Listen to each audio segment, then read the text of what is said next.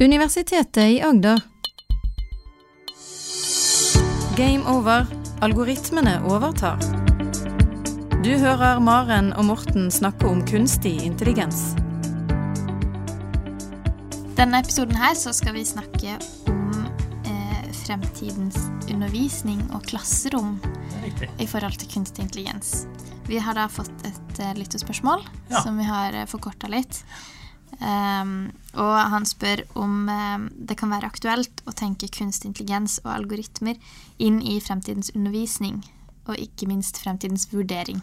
Ja, vurdering av undervisning, kanskje. Mm. Ja, Enten vurdering av undervisning, men også vurdering av oppgaver da, ja til eh, studentene. Mm, eller Ja. elev. Ja. en elev eller student leverer inn en oppgave, Ja. stil eksempel. Blir det da f.eks. mer rettferdig? Ja, ja, ja. Det er jo et spørsmål. ja, veldig gode spørsmål. Mm. Eh, Og jeg Det korte svaret er jo selvfølgelig ja, men kanskje vi skal utdype Jeg litt litt mer. Han er ikke uh, Han er ikke den første som har stilt det spørsmålet, tenker jeg. Det som ligger kortest tilbake i minnet, han eh, Skinner, hvis du husker han, han behavioristen. Yes. Han som kranglet om språk og vet ikke hva han Mm. kranglet om. det. Men han lagde jo noe som kalles teaching machines. Han, Mm. han var en professor ved Harvard, og han lagde en maskin, en, elektrisk maskin, som han kalte teaching machines. For når vi sier behaviorisme, så tenker vi da på belønning og straff. Ja, Bare for å ha det på så vi husker det. Godt poeng. Og tanken der hans var jo at eh, alt vi har lært, vi mennesker har lært, det er en konsekvens av en oppførsel og en stimuli utenfra. En belønning eller Ja. straff. Mm. Eh, og han tok jo sin ambisjon, eh, sine tanker fra enda tidligere, fra en som heter Ivan Pavlov, som jobbet med noen hunder. Jeg husker det, men det var en som heter eh, en biolog, en russisk biolog, som, eh, som vi skal snakke om mer fra når vi begynner å snakke om spillteori, sånn sånn helt sentral. Men det han gjorde, var at han ringte med en bjelle, og hver gang han ringte med en bjelle, så ga han mat Ja. til hunder. Og hver gang han ga mat til hunder, så begynte hundene å sykle. Så fant Ivan ut at bare med å ringe med en bjelle, så kunne han fikk hundene til å begynne å sykle. Fordi de trodde det kom mat. Ja, det betydde mat. De skjønte at bjellen var stimulien, Ja. og mat betyr sikkel. Altså kunne måle mengden sikkel. Ja. Og, og, og Skinner tenkte at all det vi lærer, er på den måten. Mm. Du får en eller annen stimulin, f.eks. en bjelle, Mm. og så får du da eh, informasjon tilbake. Straff eller belønning. Og han tenkte at hvis det, vi kan lære hunder til å eh, sykle, så kan vi lære andre ting også. F.eks. mennesker til å lære hva som helst. Mm. Engelsk eller matte eller osv. Og lage teaching machines. Og det var egentlig bare en, noen enkle form for datamaskiner hvor du fikk papirspørsmål inn. Ok?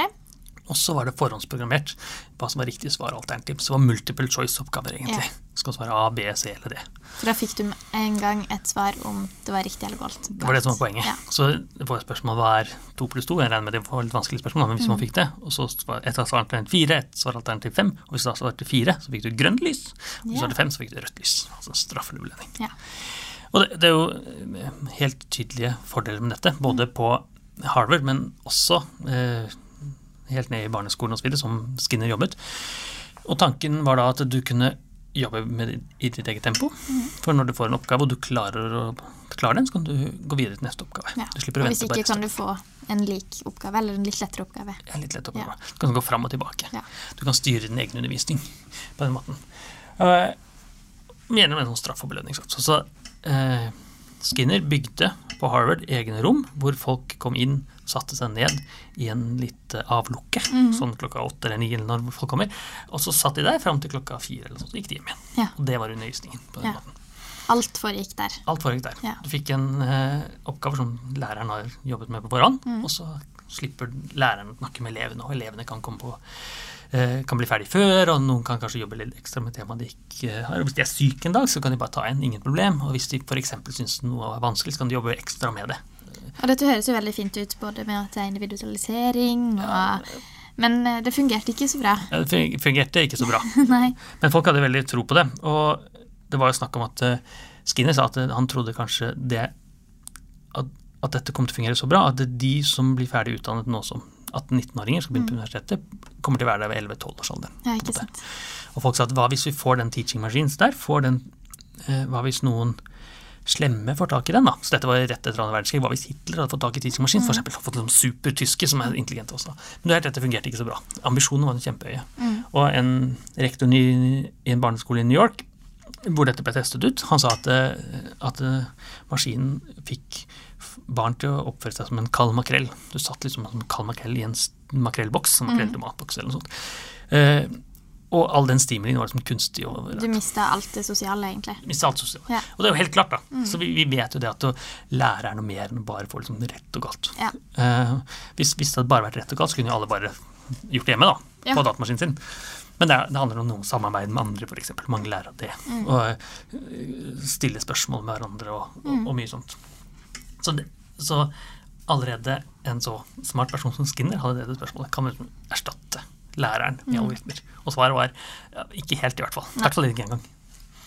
Men teknologien har kommet mye lenger enn det. ikke sant? Det, er- nå er vi ganske langt eh, fra 50-tallet. det. Men fortsatt snakker vi jo om en type læringsmaskin. Ja, ja. Men eh, en litt mer eh, variert, kanskje. Vi kan, vi kan se på en, en mer intelligent maskin enn dette. Ja. Og en annen person som eh, jobbet med dette, var en som heter eh, Daphne Coller. Hun er mye nyere. Hun er eh, ikke så lenge siden hun var ferdig utdanna, men hun er en person som eh, var ferdig med sin bachelorgrad da hun var 17 år gammel. Oi. Og ferdig med sin doktorgrad fra Stanford da hun var 25. Som, som en sånn type menneske. da. ja, imponerende. Veldig imponerende. Og hu- hun var vitne til eh, noen som skulle registrere seg for undervisning i Sør-Afrika. Og det er sånn at hvis du får undervisning, så er det alfa og omega. Ja. Det betyr jobb, og det betyr framtidig sikkerhet og mye Mm. sånt. Og der var det folk som eh, døde i køen, Ja, for de trampet hverandre i hjel for å registrere seg. Ja. Så, hun, hun oppdaget da at hun var veldig heldig. Mm. Hun var heldig av to grunner. ene var at hun var intelligent nok til å ta en så øh, god utdannelse. Mm. Det er man jo stort sett heldig, det styrer man jo ikke selv. stort sett. Og den andre er jo at man hadde muligheten. Mm. Så hvis hun hadde vært så intelligent som hun var, og vokst opp i Sør-Afrika, så ville hun kanskje ikke fått muligheten. Antakeligvis ville hun ikke hatt en utdannelse på den måten. Skulle man tro, da. Mm. Eh, så det må jo være en måte å få det til på. Eh, og det hun tenkte, var at hvis vi gir undervisning til massene, som styrer på en måte. Og mye av det som kommer ut, er det som kalles disse eh, eh, MOOC-ene, som jeg vet du kjenner til. Disse, MOOC, ja. disse massive utdanningsmulighetene, hvor tusenvis av mennesker kan registrere seg. Hvor det er åpne kurs, hvor Åpne kurs, ja. alle kan få være med. Så hun registrerte seg, og du fikk jo mange folk til å ta den utdannelsen. Mm. Men så skjønte du en ting, da, at, at også de er sånn gjennomsnittsmaskiner. Du prøver å utdanne alle av samme prinsipp. Ja. Eh, og så I Norge så er det sånn at det er omtrent tre av ti som starter på videregående, Mm. som faller ut Ja. av en eller annen. Og det er kjempemange. Ja, absolutt. Det- nesten 30% og, da, er, eh, og spørsmålet er hvorfor det. Er det sånn at ikke de er smarte nok? Nei, det er ikke det. De bare, det bare treffer ikke. Mm. Eh, Og, og grunn, en av grunnene til det, mener mange, er at eh, undervisning i Norge og veldig mange andre steder er en sånn gjennomsnittsmaskin. Mm. Alle skal fast treffe den samme boken, og tre av ti passer er ikke til. Det er ikke lett å treffe. Det er ikke lett, ja, for det, vi er alle forskjellige. Mm. ikke sant? Uh, og en, en som faller utenfor videregående, er jo selvfølgelig har vanskelig for å få jobb, f.eks. Mm. Og hvis man ser rent økonomisk på det, så er det en kostnad for samfunnet fordi man ikke betaler skatt, Mm. eksempel. Så hvis man er så kynisk og ser økonomisk på det, så vil man ha flest mulig gjennom videregående. Ja. For da man får mest mulig skatt. Absolutt. Eh, og da spørs om kan man bruke algoritmer på den måten. Et annet kjent eksempel er jo fra eh, jagerflyene på i første verdenskrig så kom de første flyene, som vi snakket om for et par episoder siden. at det kom fly. Og da lagde det amerikanske forsvaret eh, jagerfly, for det skjønte at nå kommer det Hvis vi kommer en krig nå, som da kom Så en annen vi krig, så trenger vi jagerfly. Ja. Og da tenkte de ja, vi må passe på at folk kan sitte og, og sitte og komfortabelt der. Så det de gjorde, var å måle 100 flyvere, og så tok de gjennomsnittet. Så Ja, størrelsen på personene, rett og slett. høyden på Ja. og lengden på armen og Fysisk tyngden. plass. Og, Ja. og så, så, hvis du får en gjennomsnittlig stol, så passer det fleste. Og da andre verdenskrig startet, så var jo den gjennomsnittlige stolen der. Mm. Mens de amerikanske flyerne var voldsomt dårligere enn konkurrenten, da, Tyskland og disse. Så i noen dager døde 17 jagerflyvere om dagen. Oi. Tragisk. Og så, skjønte, så begynte Forsvaret å se etter hva som er galt. Jo, ingen av de sitter komfortabelt. De må strekke seg litt etter rattet. Ingen passer. Ingen i den passer. eh, gjennomsnittlige stolen. Ja, så tenkte jeg, da, da, da må det to Det er to grunner til det. tenkte jeg. Enten Ja. så har vi målt feil sist gang, for eh, flere år siden, Ellers har folk vokst. Og uansett, da så må vi måle på nytt. Og det de gjorde da, var å ta 4000 piloter etter annen verdenskrig, og gjorde det samme igjen. Okay. Mye mer nøyaktig. Målte. og fikk liksom gjennomsnittlig stolen osv. Utfordringen da var at selv med disse 4000 målingene, helt nøyaktig alt etter boka, så var det selv da ingen som passet. Ingen som var gjennomsnittlig. Ja. Ingen var gjennomsnittlig, nei. Så da kan vi jo tenke oss hvor smal den gjennomsnittlige normen vi skal ha alle gjennom, egentlig er. ja, det fins ingen gjennomsnitt. Nei. Så løsningen var selvfølgelig jo det som er naturlig for oss, da, justerbar stol, f.eks. Ja. Eller justerbar ratt. Ja. Og Daphne mener jo da at undervisningen er sånn. Mm. Undervisningen er ment for gjennomsnittspersonen, og det fins ingen justerbar stol Nei. for å få det til å passe. Men vi trenger en justerbar stol. Men det er ikke så lett, for hvis du tenker på eh, hva er det som er den begrensede ressursen på universitetet her, Mm. eller på en videregående skole eller på en barneskole, så er det jo lærerne. Absolutt. Vi skulle ideelt sett hatt hvert én lærer per elev. Absolutt. Men det er veldig, Det hadde jeg tror noen av de kongelige har det, tror jeg. eh, Ja. Men eh, men stort sett ingen, da. Det er det beste, men veldig eh, det er umulig å få til. Ja. Men da kan jo av algoritmene kan hjelpe til. Der Og- håper vi de kan hjelpe oss. Ja, så, og, og det vi, har, eh, vi vet helt klart, er at algoritmene er veldig veldig gode på å individualisere. Mm. Vi har snakket om at Facebook individualiserer reklame, og YouTube individualiserer filmer. Vi skulle egentlig hatt en Facebook i skolen. Ja, en Facebook for skolen hadde vært perfekt. Og det, og det har folk prøvd på. Folk har prøvd på å lage det. Og det fins Det er et eh, universitet i USA, fra Pittsburgh University og Carnegie Mellon, som har samarbeidet om noe som ligner på Facebook for undervisning. Og disse læringssystemene er jo lite, men forskjellen er at de samler veldig lite data hver system Facebook egentlig gjør. Og hvor godt kan en sånt, sånt fungere? da? Jo, det kan jo fungere veldig godt for det eh, av flere grunner. Og en er at hvis du tenker på hvor lite skal til for at et barn f.eks. faller utenfor undervisningen. Hvis en, en sjetteklassing rekker opp hånda og sier at jeg tror jeg tror ikke jeg passer til dette nivået, jeg velger av fjerde klasse matte f.eks., mm. så, så skjer ikke det. Nei. Sjette klasse er så tøffe. Og Derfor kan den individualiseringen være veldig god, som Skinner og Daphne snakket om. Eh, og For det betyr da at da får du tilrettelagt eh, oppgaver som passer til ditt nivå. Så hvis du ikke forstår sjette klasse matte, Ja. så kan du eh, få fjerde klasse matte først, og så få jobba opp på i ditt eget tempo. Ja. Det, det er i hvert fall tankene da, rundt disse algoritmene. Og det, det er litt på samme måte som vi da tenker eh, YouTube versus lineær-TV. Så YouTube er individualisert for hver person, og når jeg går på YouTube, så får jeg ikke får en annet enn det du får. Ja. Ikke sant? Og det er fordi den er så individuell. Det er ikke sånn at jeg har sendt en melding til YouTube og sagt at jeg skal se på Nei, den type informasjon. Det bare læres. Og sånn kan man tenke seg rundt oppgaver også. Og da blir den jo individualisert ikke bare for den sjette klassen som ligger etter, eller den sjette klassen som ligger før, men for alle. Alle er individualisert, og det spiller ingen så stor rolle, da. Men systemet i dag passer, passer jo ikke helt der. For vi har, i hvert fall på universitetet, har vi eksamen etter hvert fag, f.eks. Ja. Og det er en sånn normert ordning. Men i noen, i noen tilfeller så kommer det jo mer og mer, spesielt eh, på ungdomsskole, også litt videregående. Eh, dette med omvendt undervisning. Ja, Eh, Jeg vet eh, Campus Inkrement er jo eh, en del eh, matteoppgaver og mattebøker som er gjort Ja. nettbaserte. Og det er jo veldig interessant utvikling. ja, det er på videregående. Jeg, tror det er, jeg lurer på om det er ungdomsskole og Ja. videregående. Jeg er litt i tvil. Ja. Skal ikke si det sikkert. Om det er noe barneskole det vet jeg ikke. Ja, Men uh, Men de må, må de fremdeles følge de samme læreplanene som er gitt for uh, mm, Ja. jeg tror de følger de samme læreplanene, men Ja. har da lagd bøker på nett som spesielt da i matte Ja, er jo et ganske relativt enkelt fag å gjøre det i. Ja. eh, med de algoritmene vi har i dag.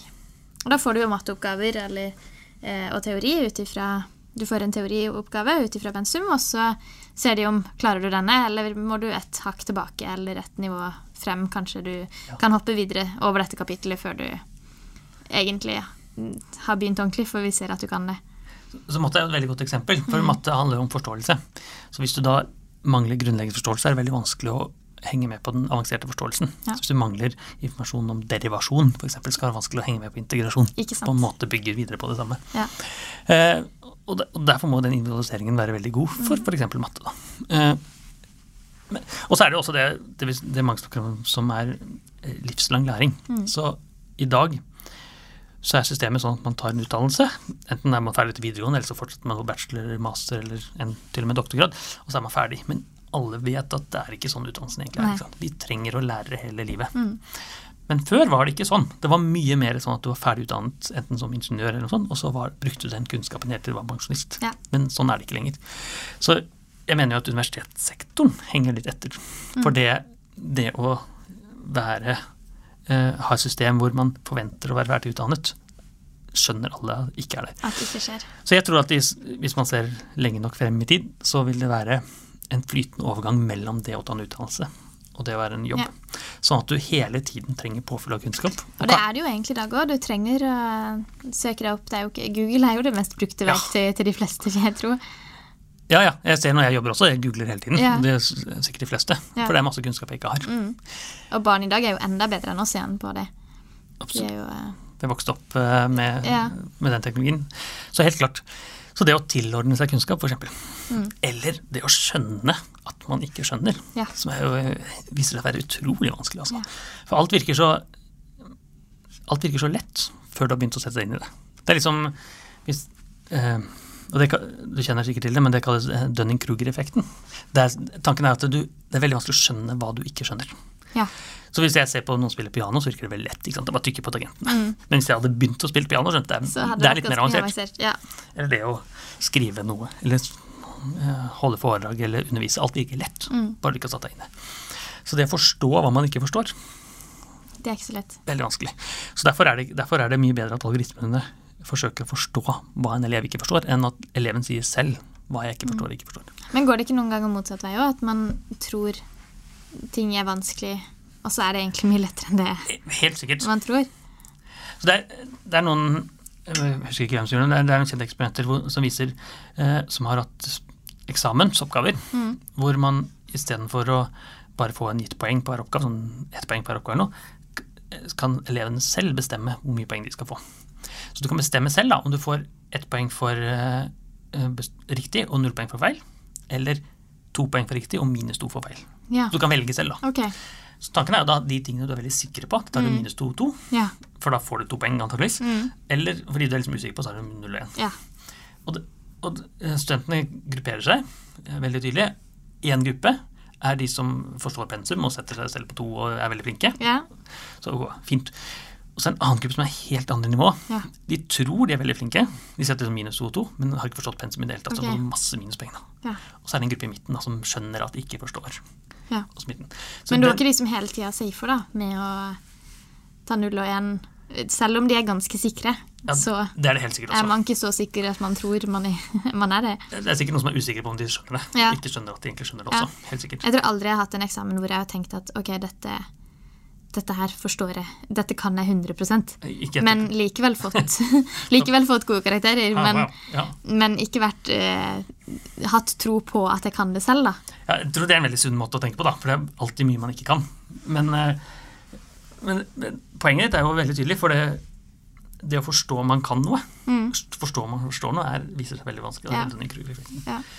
Og jeg vet at eh, selv for de, de som er mye smartere enn meg også, så jeg vet at Ibsen skrev for eksempel, samtidig som han skrev Et dukkehjem, så skrev han 'Samfunnets støtter'. For eksempel. Ok. Det har vi ikke hørt om. Nei, nettopp. Nei. Så, og, og det er en grunn til det. Men jeg er helt sikker på at han trodde det var et godt stykke. Mm. Leonardo da Vinci er også multigeni, smartere enn de fleste, tenker jeg. Og blant annet så uh, er han kreditert med å finne opp helikopter. Han har tegnet det, i hvert fall. Mm. Men så fant han opp blant annet eh, vannskoene, som et sånt annet eksempel. da. For det er sko man har på seg, Ja. store tresko, som flyter, da. Ja. Og så kan du gå av. Og noen har selvfølgelig prøvd å bygge disse vannskoene. Mm. Og det viser at du mister balansen. Det var ikke like smart som helikopter.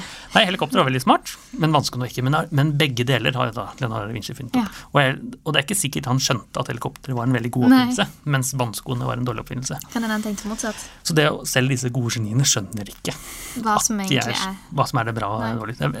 De skjønner sikkert når de får tilbakemelding fra Ibsen. Fikk jo Mm. noen skuespill like bedre enn andre. Men det å forstå Men forstå er Når ikke disse store geniene klarer det, så kan vi da i hvert fall ikke forvente det av alle Nei. barneskoleelever på den måten. Nei, absolutt ikke. Så, jo, eh, så hvor gode er algoritmene i, i dag? Jo, øh, det fins et eksempel fra en konkurranse på internett som heter Kaggle, som vi har snakket om litt før, eh, som, eh, som gjør my, mang- mye sånne Hva kan algoritmene egentlig få til? Og blant annet så testet de retting av engelskstiler øh, på high school. Automatisk retting, og viste seg at eh, de klarte å gi karakter like godt som lærere da, på engelskstiler. Oi. Og det er veldig imponerende, Ja. for det, en engelskstil hva som er en god og dårlig skrevet engelskstil, er veldig komplisert. Ja. Eh, Det, er, det er noe annet enn matematikk som er sånn fire. Ja, det er et fasitsvar. Det er et fasitsvar. Mens på, der, så er det på en annet nivå. Og, Det betyr vel at vi kan få mer rettferdig retting, da. så man kan potensielt få mye mer rettferdig retting, absolutt. Og, men det er jo Jeg tror mye mer på det, i hvert fall i en, uh, en god overgangsfase. Ja. At, at dette er som et beslutningsstøttesystem for lærere, Ja. ikke som en erstatning for lærere. Nei. Som betyr, da ekstra. så, ja, Ja. en ekstra. Så hvis jeg skulle rette 200 stiler, eksempel, Mm. så kan jeg få, kanskje få de kategorisert. Ja. Og så kan jeg si at disse tror algoritmene. Jeg sier at algoritmene tror. Så kan du si som lærer at dette er enig i eller ikke. Ja, noe i den retningen. For i dag kan du jo få vidt forskjellig karakter både som elev og som student. Eh, også på universitet, når du eh, Hvis du får tilbake en eksamen og klager, da, så kan du jo ende med en helt totalt forskjellig karakter fra det du i utgangspunktet fikk av faglærer. Ja. Det er jo en eh, utfordring, at man er så ulik på hva som, eh, hva som vektlegges. ja, og det er fordi lærere også er individuelle, ikke Mm. Mens en algoritme kan jo være mye mer objektiv. Ja. Men, men det må jo være sånn at disse algoritmene også gjør det riktig. Det kan ikke bare være objektive, de må også kunne gjøre det riktig. Ja. Det viser at de faktisk gjør det. Mens, hans, eh, mens i USA så er det egne opprop som er noe sånt som undervisere mot automatisk retting. Og Chomsky, som vi også har snakket om eh, før, han er en av de som er motkjempere mot at algoritmer okay. skal ta over det. For han mener at det, det å forstå om en enkeltstil da, Mm. er rettet automatisk, er god eller ikke, må være noe mer enn en algoritme. en. Det må være menneskelig. Det må være menneskelig. Okay. For hvis ikke så, I praksis så tester man da lengden av ord og lengden av setninger. Ja. og litt sånne ting. Eh, Så, så betyr det at algoritmen i dag er ikke som erstatter av en engelsklærer i i retting av stiler, men mye mer kan allerede i dag brukes som en, et støtteverktøy. Ja. Og sånn vil det nok være en god stund fremover, tenker jeg. Mm. Det er ikke helt der ennå, men uh, der det at algoritmer kan være med å individualisere, det ser vi allerede i dag. Ja, ja, individualisering er helt klart. Mm. Og um, vi må få en Facebook for undervisning, f.eks. Kaggle var et sånt, et, et sånt eksempel. Pan er noen, et annet eksempel som tester for eh, juks. Okay. Avskrift. Yeah. Så hvis jeg du leverer inn i en engelsk stil, og så skriver jeg den av, og kanskje yeah. retter på litt, endrer på navnet på hovedkarakteren, Mm. så er juks fremdeles. da. Så den, de bruker algoritmer for å teste om det er avskrift eller ikke. Ja. Og det er mange triks man kan gjøre. Man kan oversette til engelsk på Google Translate, oversette tilbake til norsk. Og, og, og Mm. Det vil den oppdage. ja, sånne ting vil opp. Ja. ja, det er jo bra. Eh, et firma som heter Content Technologies, de prøver å lage, litt som, som, som sa, en individuell bok per elev, Mm. som tar i tillegg til bakgrunnsmaterialet, eh, bakgrunnskunnskapen du har, får en mattebok da, eksempel, tilrettelagt akkurat deg. Kanskje mangler du litt informasjon om integrasjon, så det må du ha i begynnelsen, for Ja. eksempel. Men kanskje har du det likevel, så du kan begynne rett på det litt mer avanserte. Mm. Uh, Lexplore er en, et annet algoritmebasert uh, firma som uh, bruker kamera, visuelle algoritmer, til å se på øynene dine når du leser. Du skal lese opp en tekst, og så ser den på øynene dine. Ja. Og så klarer den å oppdage veldig nøyaktig om du har dysleksi eller ikke. På åssen du ser teksten. på du ser. Så visstnok er det sånn at hvis du leser en tekst uten dysleksi, så følger du ordene sånn rett bortover.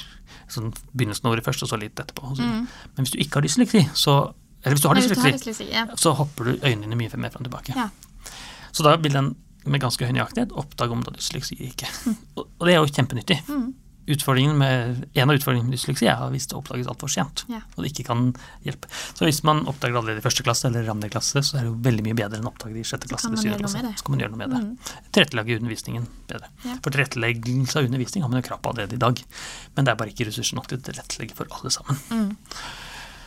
Det er, så det er, om vi kommer til å få en eh, algoritmepedagoger, er jeg helt sikker på. Men det betyr ikke at eh, hele undervisningssektoren blir Legges ned til, til algoritmer. Nei, så lærere vil vi fortsatt ha. Og det ser vi jo f.eks. Eh, vi snakker litt mer om dette med omvendt undervisning, da. Mhm. Eh, det betyr jo at eh, elevene har undervisning, eh, forelesning, videoer hjemme, eller som en slags lekse, da. Eh, og går på skolen for å diskutere og gjøre oppgaver og ha gruppearbeid og Da er det jo en læreren som er med i disse diskusjonene og starter samtale. Vi får en mer Ja. interaksjon med elevene. Eh, her er det jo også verktøy allerede i dag hvor, eh, hvor eh, læreren kan se hva studenten eller eleven har gjort, eh, og legge til rette for undervisninga ut ifra det. Sånn at læreren kan se at ok, det er flere som sliter med algebra. Akkurat dette temaet her, det må vi gå mer inn på. Og kan da ta det opp felles. Mens andre temaer har de kanskje mer oversikt over, og det er kanskje bare to som trenger hjelp til. Ja. Kan da tilrettelegge mer. Ja, dette faller inn i mye av de samme grunntankene. Mm. Eh, At uh, folk følger nødvendigvis ikke en plan. Eh, Vi er individer og trenger individuell Ja. oppfordring, alle sammen. Mm. Enten man er på universitetsnivå, eller på barneskolenivå, eller på ungdomsskolenivå, eller langt ut i arbeidslivet. Så det blir jo spennende å se da om læreplanmåla endres, om vi får en like strikt plan frem i fremtida som det vi har i dag. For tror, i dag er det jo veldig sånn i sjette klasse så skal du kunne det og det og det og det. Jeg tror den store konsekvensen er at, at det må endres. Ja. Både på barneskolenivå og høyere oppover. Ja. For det fordi individualiseringen vi gjør i dag, er jo på alder. Mm. Vi sier at en, klasse, en seks, seks, seksåring eller femåring skal kunne førsteklassepensum. Mm. Ja. Mens en syvendeåring skal kunne andreklassepensum osv. det er jo også en utfordring når vi er født på så forskjellig tid på året. Ja. Noen er jo et år eldre enn andre nesten når de begynner i første klasse. Ja, Det er klart det påvirker det òg. Det påvirker veldig mye. Så det, er det er jo helt rett, det er et veldig godt poeng. Det er jo et av de tingene som påvirker kjempemye. Det er når du er født på året. Mm. Eh, Malcolm Gladwell gjorde en undersøkelse på akkurat det. Eller han har skrevet en bok som baserte seg på andre undersøkelser, eh, som handler om akkurat det. Når du er født på året, betyr så mye. Både for undervisningen der, men også for dine sosiale ferdigheter og hvor godt du gjør det i livet generelt. Og hvis man da tenker at man har valgt ut Hvis man ser på fotballturneringer som man spiller som barn, f.eks., så betyr det nesten året du er eldre. Fra du er født i januar versus desember. Kjempemye for hvor god du er i fotball. Det er litt større. Og det samme er for matematikk osv. Så, videre. så det betyr masse når du er født på året. Men, også, men det er masse andre ting som betyr mye. Ja, for det trenger jo ikke være avgjørende. Det er jo viktig å få sagt. det, det påvirker, men det er ikke avgjørende. På samme måte som om dine foreldre har utdannelse, påvirker masse. Eh, om du er flink til å sitte stille, f.eks., påvirker masse. Det er masse ting som påvirker som kanskje ikke trengte å påvirke. Så i i, i det ideelle samfunn så vil jo ingen av disse være avgjørende for hvor godt du gjør det i livet. Nei. Men svaret er at de er avgjørende i dag. Du kan selvfølgelig gjøre det bra selv om du er født sent på året, men sjansen for at du gjør det bra, er mye mer hvis du er født tidlig på året. Og sånn bør det selvfølgelig ikke være. Du hører Maren og Morten snakke om kunstig intelligens. Har du spørsmål til Maren og Morten, send en e-post til gameover.alfakrølluia.no. Du har nå hørt en podkast fra Universitetet i Agder. Du finner flere podkaster fra UiA på uia.no podkast.